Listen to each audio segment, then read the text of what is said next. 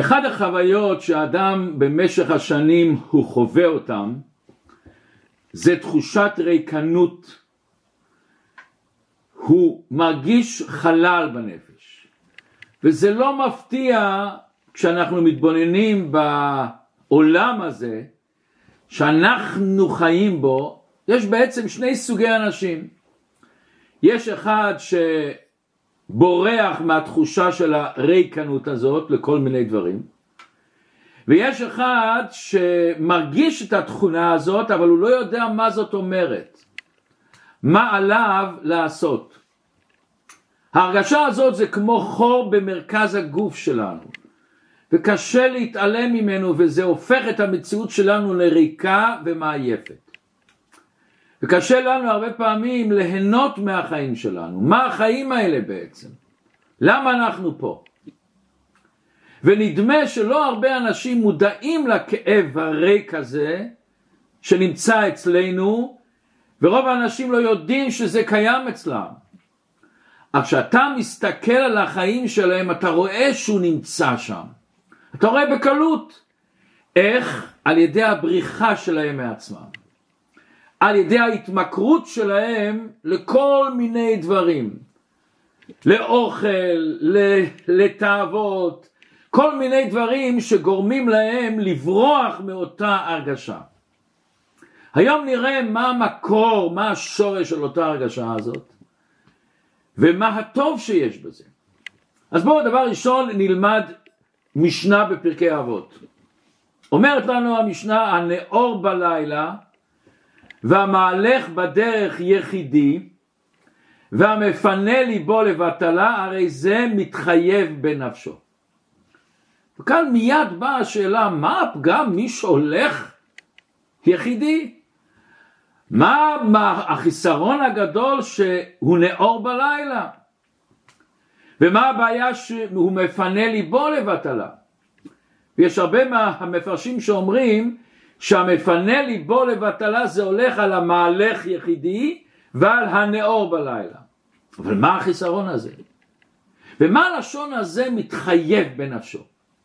אז הרבה פעמים אנחנו אומרים הבן אדם הזה חס שלום חייב מיתה, פה כתוב המתחייב בנפשו, מה הפירוש?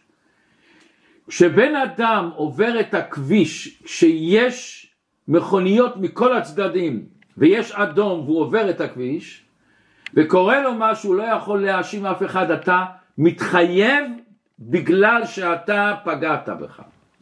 מתחייב בנפשו, אתה עכשיו אם פוגע בך משהו בנפש, אתה אחראי לזה. נו אז מה קורה אם בן אדם מהלך, מהלך יחידי או ער בלילה?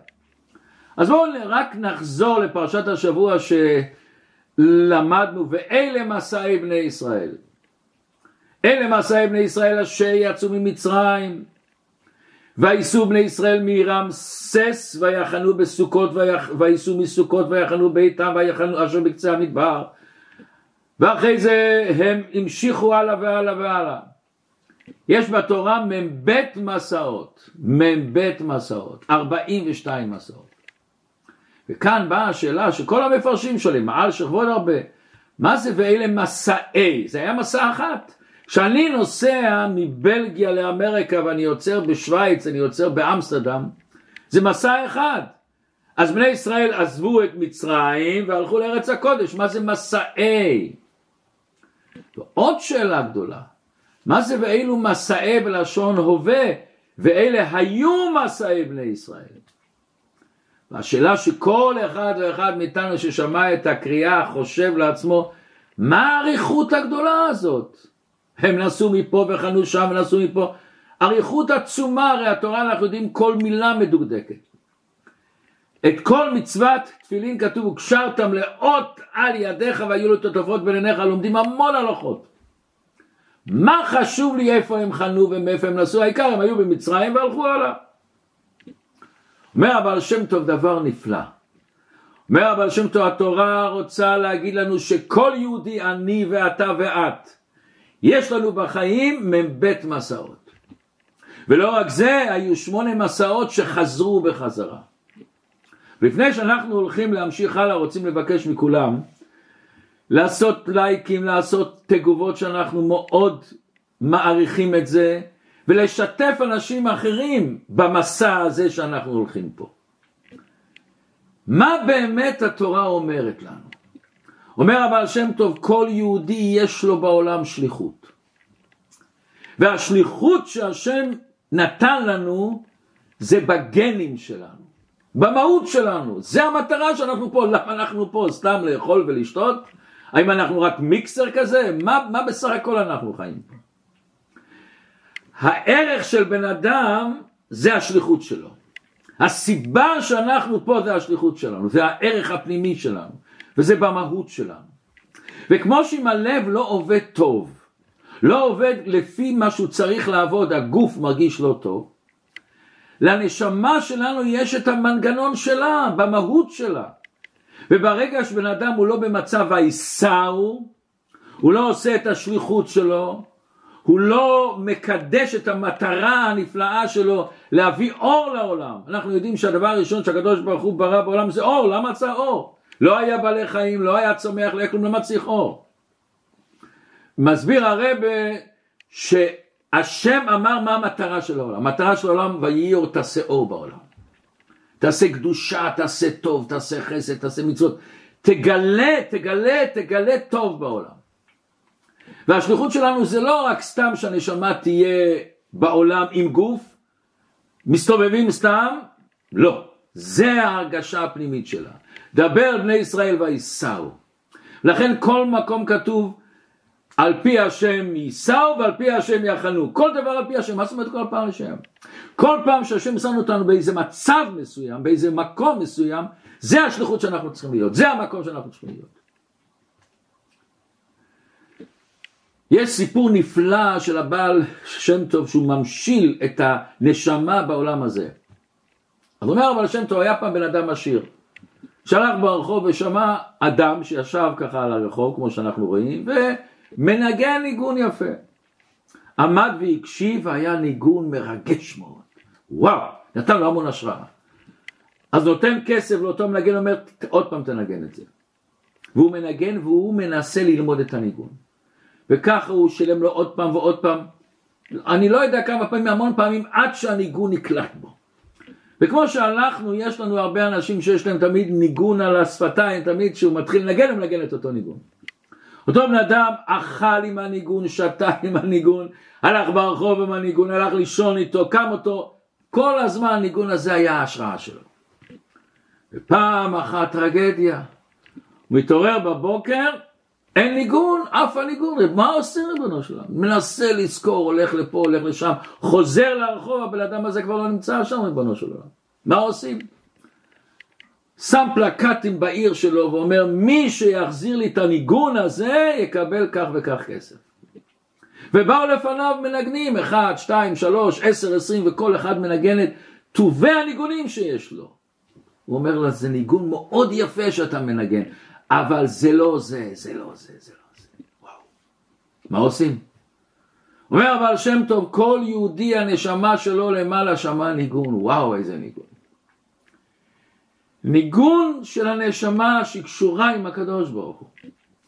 וכשהוא יורד לפה לעולם הזה, אומר עצם הצדק למה ילד בוכה דבר ראשון, הוא היה עכשיו אצל אמא שלו, כתוב שהוא למד את כל התורה כולה, היה לו כל טוב, היה קשור, קשור עם הקדוש ברוך. פתאום הנשמה הזאת יורדת לגוף, מיד היא מרגישה את הגשמיות של העולם הזה, את התאוות של העולם הזה, את האגו, את כל הניסיונות שאנחנו עוברים. והיא מחפשת את הניגון, מחפשת. ומזה בן אדם מרגיש ריקנות. מזה הוא מרגיש את החלל הפנימי הזה. אבל, כאן באה הנקודה היפה. אנחנו אומרים כשאנחנו עושים ברכה אחרונה אומרים בורא נפשות רבות וחסרונם על כל מה שבראת. מה הפירוש וחסרונם על כל מה שבראת? בפשטות שהשם משלים לנו את החסרונות שלנו. מה שאנחנו צריכים השם משלים לנו. לפירוש הפנימי משהו הרבה יותר עמוק. אני מודה לקדוש ברוך הוא שנתתי, שנתת לי רגש של חיסרון. דבר ראשון בגשמיות. תארו לכם שבן אדם לא היה מרגיש רעב, היה עובד עובד עובד ולא מרגיש רע, וכמו שהרבה פעמים אנחנו עובדים עובדים ושוכחים בכלל שלא אכלנו היום בכלל. אבל אם הוא לא היה מרגיש רע והוא לא היה אוכל ואז אנחנו יודעים מה היה קורה. אם בן אדם לא היה מרגיש צמאון, צמאון, חס ושלום אנחנו יודעים מה היה קורה. בריקנות הזה, בהרגשת החיסרון הזה, יש מעלה עצומה. יש מעלה עצומה שהוא גורם לנו לעשות מה שאנחנו צריכים. אבל כמו שזה בגשמיות, זה ברוחניות. ברוחניות אותו הריקנות שאני מרגיש, אותו החלל שאני מרגיש, הוא יכול להרים אותי, הוא יכול להפריח אותי, הוא יכול ליצור בי אדם אחר, הוא גורם שאני יוצר בעולם אור, חסד, קדושה וטוב. ויש הרבה בעלי תשובה שאנחנו רואים אותם צומחים, ואתה שואל אותו, מה קרה פה? החלל הזה, החלל הזה. אני לא אשכח, היה אצלנו פעם אחד בעל תשובה, סיפור שלם עליו, אני אקרא פרט אחד. אז הוא היה בהודו אצל גורו בוקוואן, והוא היה בחדר אחד עם עוד שלושה חברים. שני בחורים ובחורה. ופעם אחת הוא נכנס לחדר והוא רואה את שתי החברים שלו יושבים על הרצפה עושים מדיטציה. הוא רואה את הבחורה גם שוכבת שם והיא, השם ישמו, קודחת מחום.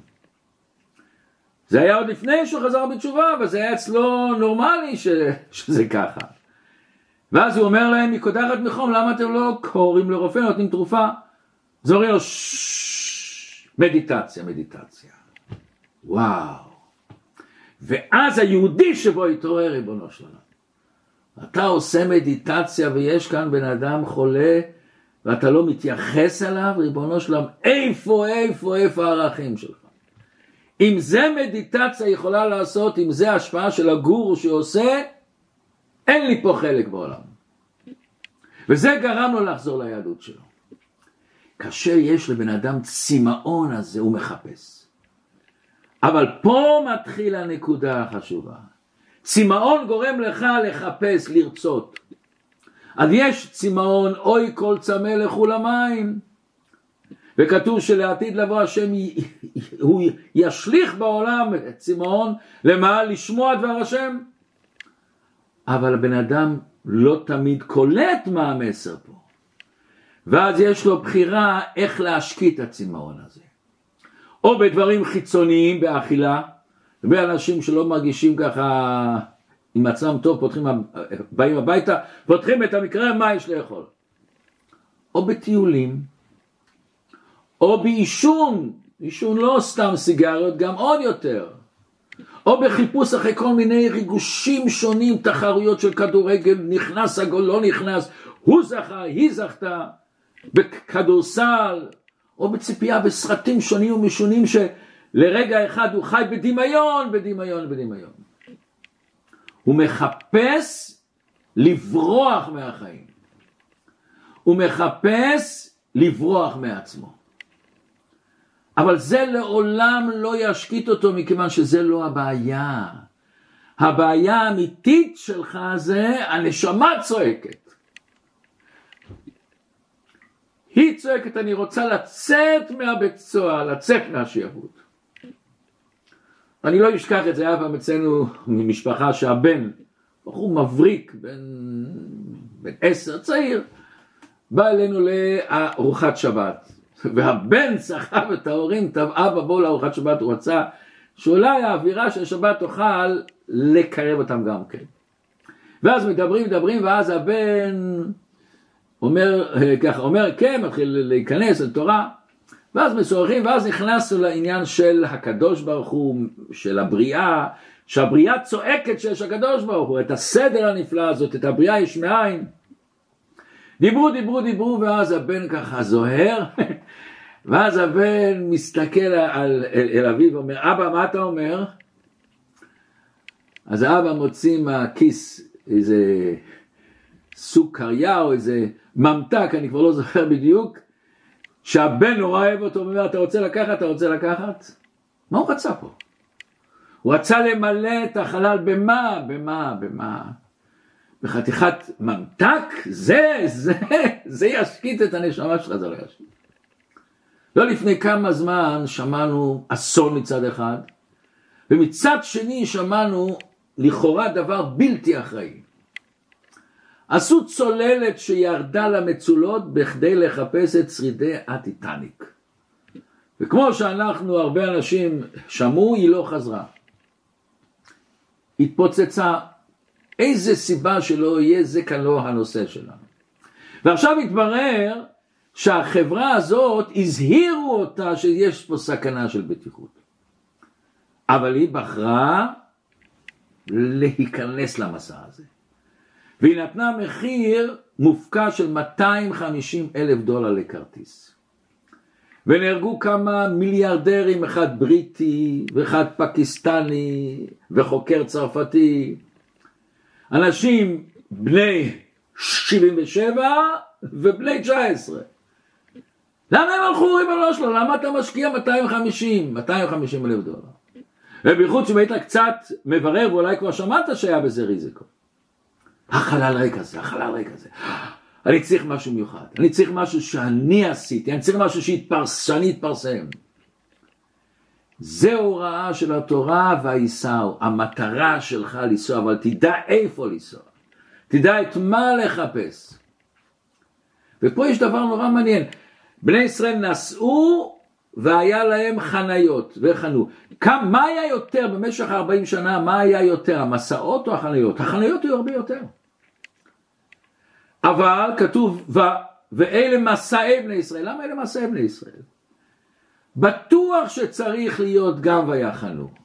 החניה עושה שאתה קולט את הדבר, מפנים את הדבר, את אותו תנועה שעשית, את אותו דבר שלקחת על עצמך ועשית, אתה צריך להפנים אותו, אתה לא יכול כל הזמן, כל הזמן להיות בתנועה. אבל גם החניה, המטרה שלה היא בשביל וייסר. גם המטרה של אותו עצירה היא בשביל וייסר.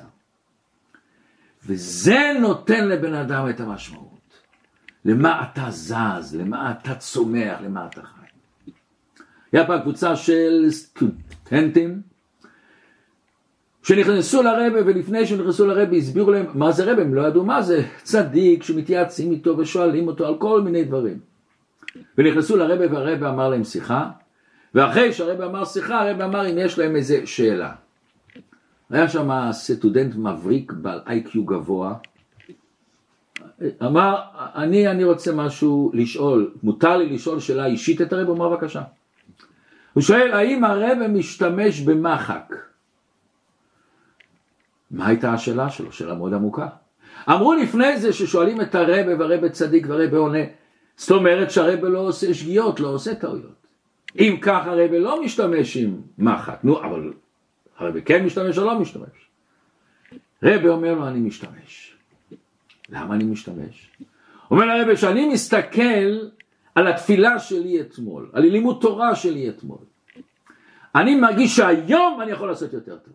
וייסר. אתה לא נשאר סטטי, אתה כל הזמן צומח. וואו, ואיזה הרגשה נפלאה הזאת שבן אדם מסתכל, למוצאיהם כתוב, תסתכל מאיפה יצאת ואיפה אתה היום. גדלת, צמחת.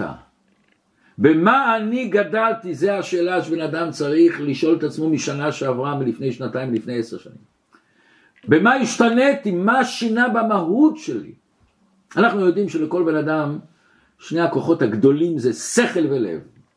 שכל זה כמו ההגה, והלב זה המנוע של בן אדם.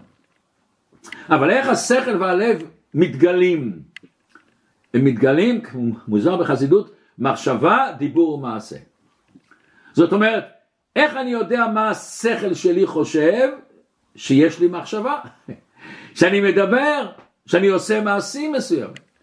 איך מגלים את האהבה שלי על ידי או בדיבור, גם במחשבה זה לעצמי אני מגלה בדיבור לשני וגם במעשים שלי.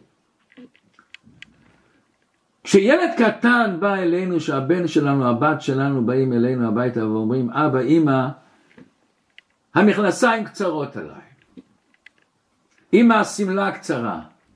אנחנו אומרים, אוי ויי, אוי ויי.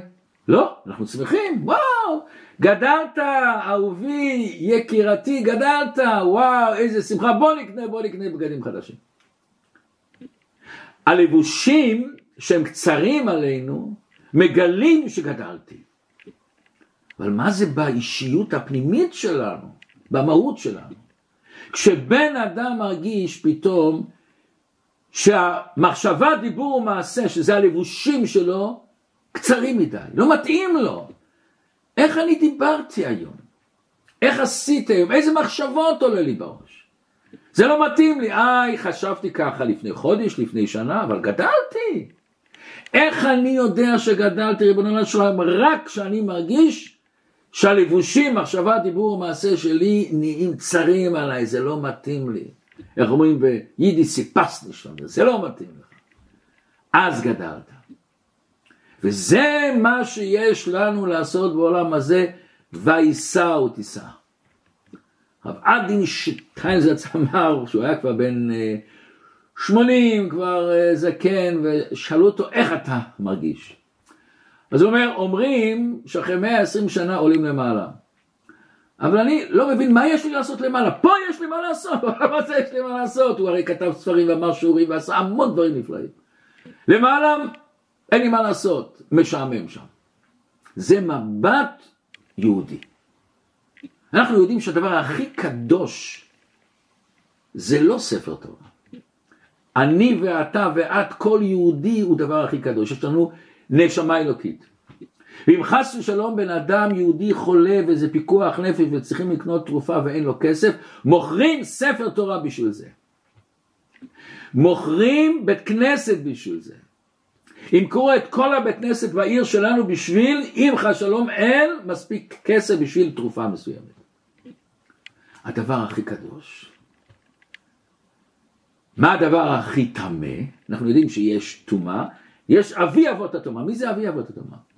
כשיהודי חס ושלום נפטר, הוא נחשב אבי אבות הטומאה.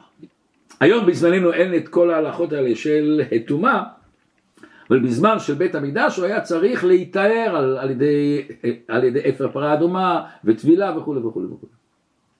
מה נשתנה? אותו יהודי היה לפני זה, מה לפני זה?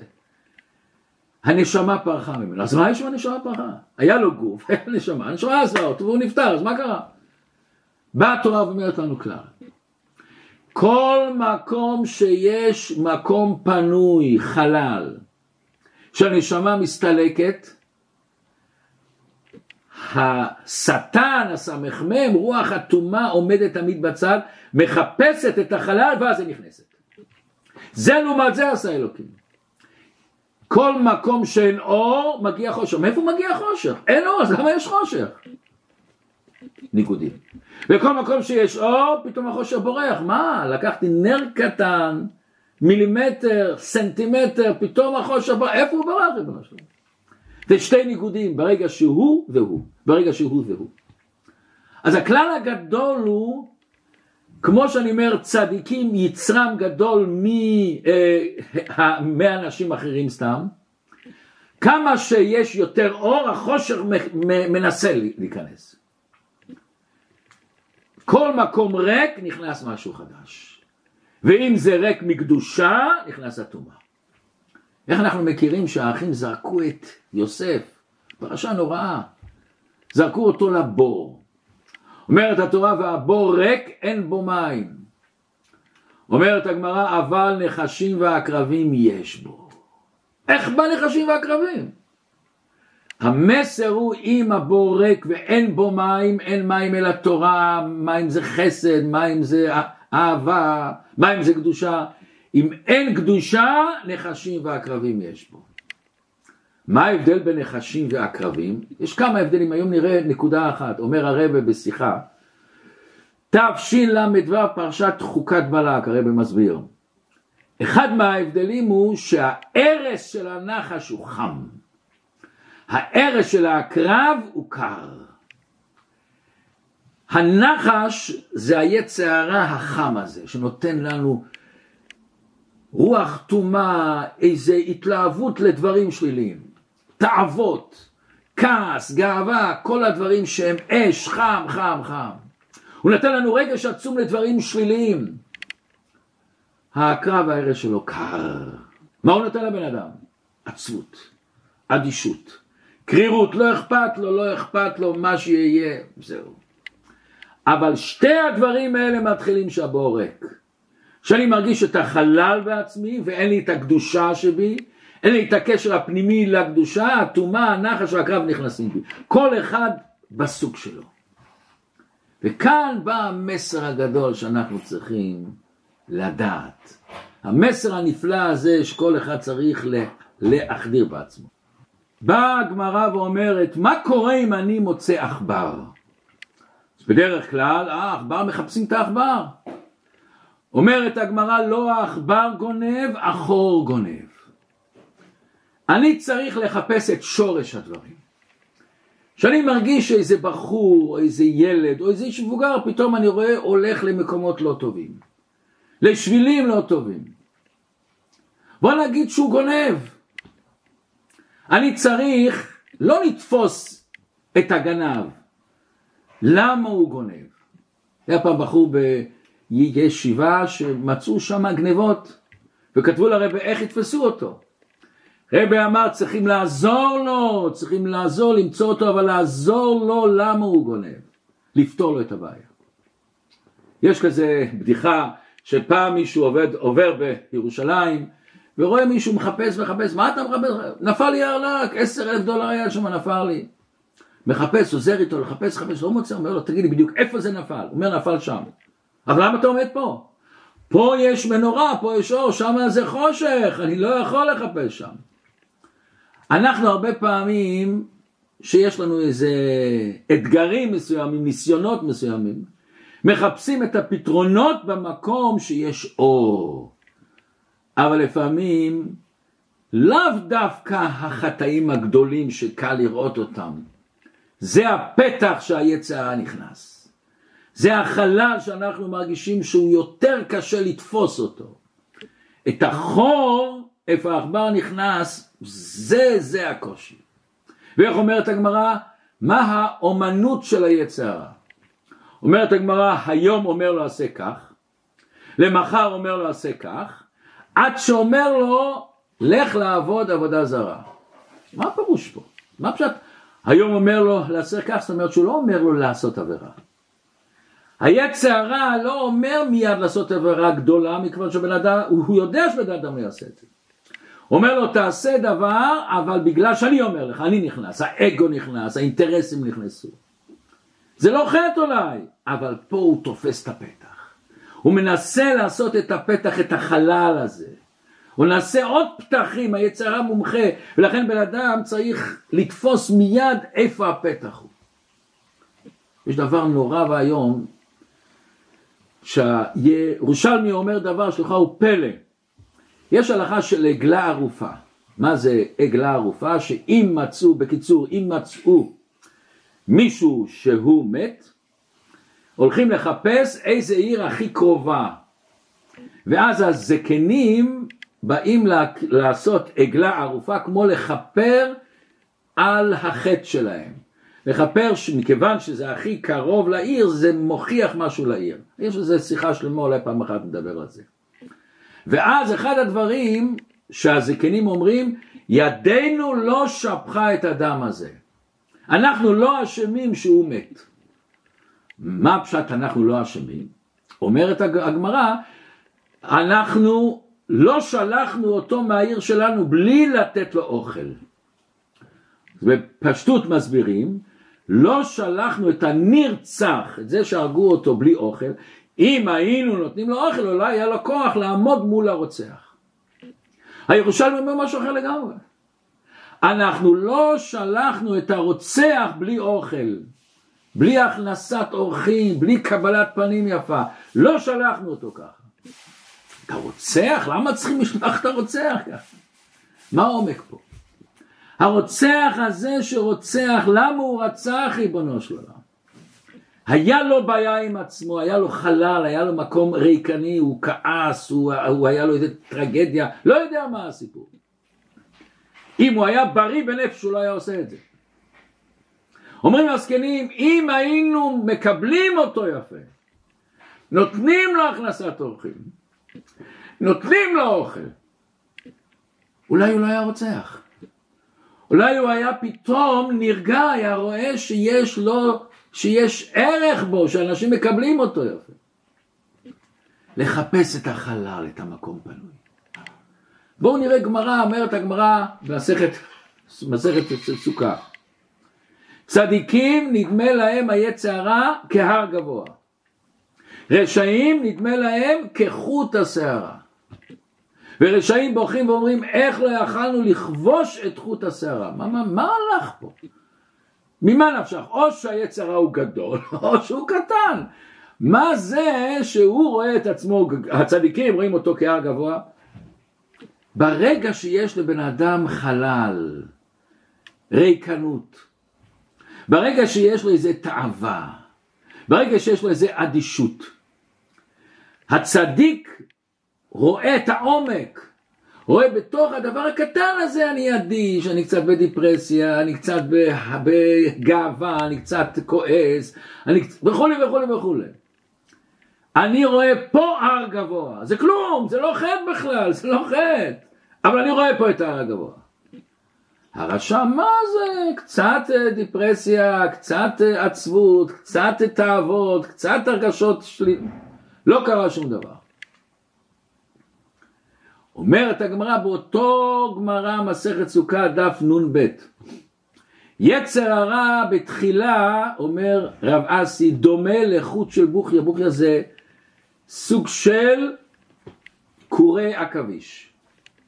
ולבסוף אותו היצר הרע דומה כאבותות העגלה. זה חוטים חזקים שמושכים את העגלה. מה זה החוטים האלה של העכביש? זה חוטים דקים ביותר שהקוטר שלהם נע בין 0.0 מיקרון עד 12 מיקרון, מיקרון זה מיליונית מטר, זה תלוי איזה עכבישים. וה, והחוטים האלה שנראים בעינינו זה בעצם כמה סיבים, אבל אף על פי שהם דקים דקים דקים, זה נכנס, זה נחשב לסיב הטבעי הכי חזק שקיים בעולם. הוא יותר חזק מחוט פלדה בקוטר הזה, הוא יותר חזק. יש עוד דבר, עקורי עכביש האלה הם גמישים, הם יכולים להימתח, להימתח, להימתח פי חמש מהאורך שלהם, ההתחלתי, והם לא נקראים. עושים אותם, עושים מהם רשתות של ציד. אומרת התורה, תדע לך, היצר לפעמים נראה קטן קטן, אבל הוא חזק. והוא נמתח, הוא לא נשאר ככה, הוא מתחיל בפסיעה קטנה אבל הוא נמתח, נמתח, נמתח. אם אתה רואה את החור הזה, את החלל הזה, תדע לך זה קורי עכביש. שהם מתחילים בחור, קטן ונמתחים, נמתחים. וזה העוצמה שלנו, הגדלות שלנו, שבן אדם יכול לראות עמוק. לראות בחוט הקטן הזה לראות את ההר הגדול. בדברים הבטלים האלה אני יודע ששם היצרה נכנס. בחסרונם האלה אני מרגיש שאם אני מרגיש את החלל אני יכול להחליט לאיפה אני נכנס, לאיפה אני הולך. זה מה שאומרת לנו המשנה. המשנה אומרת לנו כמו שכתוב ולאום מלאום יאמץ. אומרת הגמרא צור מתמלט מחורבנה של ירושלים. והפוך אה, ירושלים מתמלט מחורבנה של צור. זה תמיד ניגודים, אור וחושך תמיד ניגודים.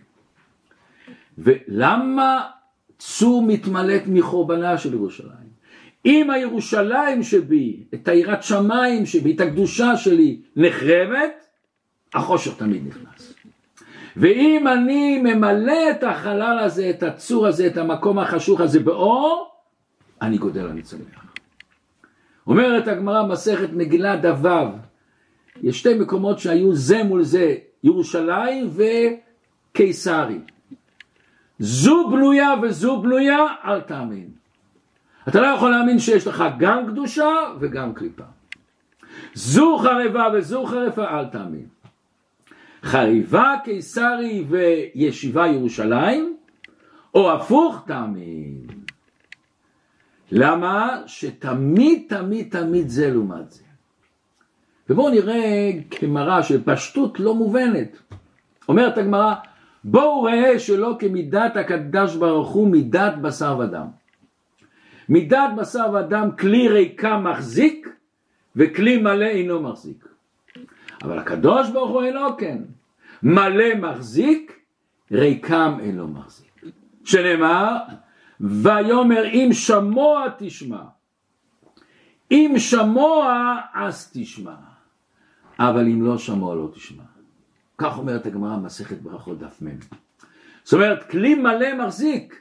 אם אתה מרגיש חלל, זה לא יחזיק. אתה צריך למלא אותו באור ואז הוא יחזיק. הטייס של, של F-16, הוא יודע שהוא מפעיל כלי בשווי של 60 או 80 או 100 מיליון דולר. הוא יודע שיש לו אחריות עצומה. אחריות להחז... להחזיר את האווירון שלם, אחריות להגן על עם ישראל. הוא לא יכול להגיד אני כלום, אני לא שווה. בן אדם צריך לדעת מי אני. אתה חלק אלוקה ממעל ממש. וזה אומרת המשנה, הנאור בלילה. בלילה זה מקום שבן אדם לא עובד והוא לא לומד. אם הוא לומד זה טוב מאוד, אבל הוא כמו שאומרת המשנה מפנה ליבו לבטלה. הוא ער בלילה סתם ככה, סתם. הוא לא עושה שום דבר, לא חסד, לא לימוד תורה, לא תפילה, לא משחק עם סתם ריק, ריקנות. או הולך לישון, או הוא הולך יחידי. אם אתה הולך עם מישהו, אתה מדבר, אתה בקשר, אתה ממלא את עצמך. הרי זה מתחייב בין השור. אתה עושה את הכלי חס שלום שהטומאה יכולה להיכנס לך. אתה ממלא את עצמך בריקנות, מפנה את ליבו לבטלה. לפנות זאת אומרת להוציא, להוציא אבנים, לפנות את הבית, לפנות את... אז אתה, אתה מפנה את כל השליחות שיש לך בעולם. זה מחייב אותך. אם חס ושלום נפלת, תגיד מה אני אשם? נפלתי, היצרה תפס אותי.